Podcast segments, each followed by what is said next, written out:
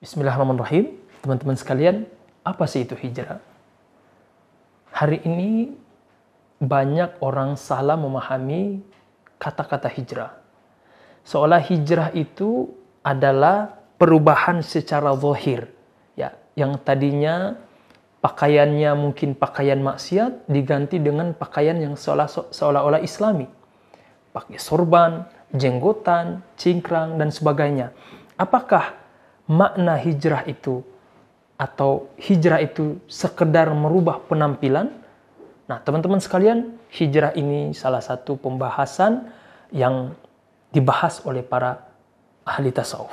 Ya, para ulama-ulama yang sangat memperhatikan masalah hati. Karena teman-teman sekalian, kebanyakan kalau kita lihat hadis-hadis yang dibicarakan oleh para ulama kita tentang konsep hijrah, ternyata itu lebih dominan kepada pembahasan hati. Sebagaimana hadis yang sangat masyhur, innamal a'malu binniyat wa innamal likulli imri'in ma nawa. Faman kanat hijratuhu ila Allah wa rasuli fa hijratuhu ila Allah wa rasuli ila akhiril hadis. Hadis ini ternyata kalau kita lihat konteks yang dikaji oleh para ulama kita, ternyata kebanyakan dikaji dari sisi nuansa hatinya ketimbang zohirnya. Karena teman-teman sekalian, kalau kita kaitkan dengan hadis yang lain, maka kita akan ketemulah substansi dari hijrah itu sendiri. Apa itu? Inna Allah la yanzuru ila suarikum wala ila amwalikum walakin yanzuru ila qulubikum wa a'malikum. Hadis inilah yang menjadi substansi dari makna hijrah yaitu Allah Subhanahu wa taala tidak sesekali akan melihat kalian dari segi rupa, tidak pula dengan penampilan, apalagi harta, tetapi Allah akan melihat isi hati kalian dan amalan yang kalian persembahkan kepada Allah. Inilah substansi dari makna hijrah yang sebenarnya.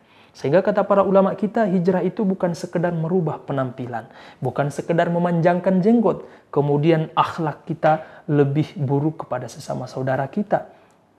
Kemudian tidak mau senyum lagi kepada saudara kita, nggak mau balas salam saudara kita. Ini bukan hijrah namanya.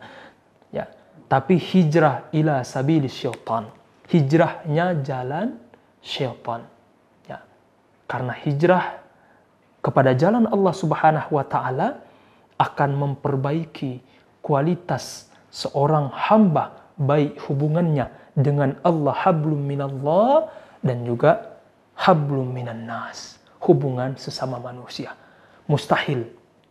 Orang baik hubungannya dengan Allah kemudian tidak baik hubungannya secara sosial. Maka orang yang berhijrah seharusnya dia menyempurnakan dua hubungan ini.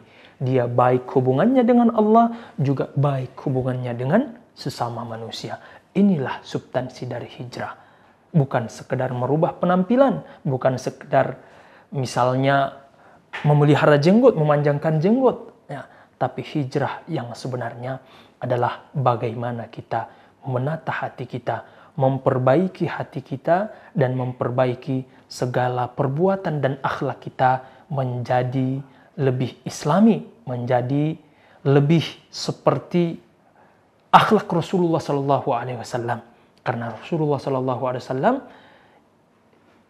diutus oleh Allah Subhanahu Wa Taala untuk menyempurnakan akhlak. Dan inilah makna dari hijrah, yaitu berpindahnya hati seorang manusia dari segala kekotoran maksiat hati, sombong, amarah, ria, dengki, hasad, berhijrah menuju akhlak yang mulia membersihkannya dari menjadi dari tadinya ria menjadi ikhlas, yang tadinya takabur menjadi tawadu. Inilah substansi dari hijrah itu sendiri, yaitu memperbaiki hubungan hablum minallah dan hablum minan nas.